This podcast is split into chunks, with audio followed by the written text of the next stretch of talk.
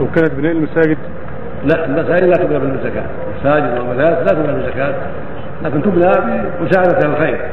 أما الزكوات تصرف فيما قال الله جل وعلا. إنما الصدقات للفقراء والمساكين والعاملين عليها.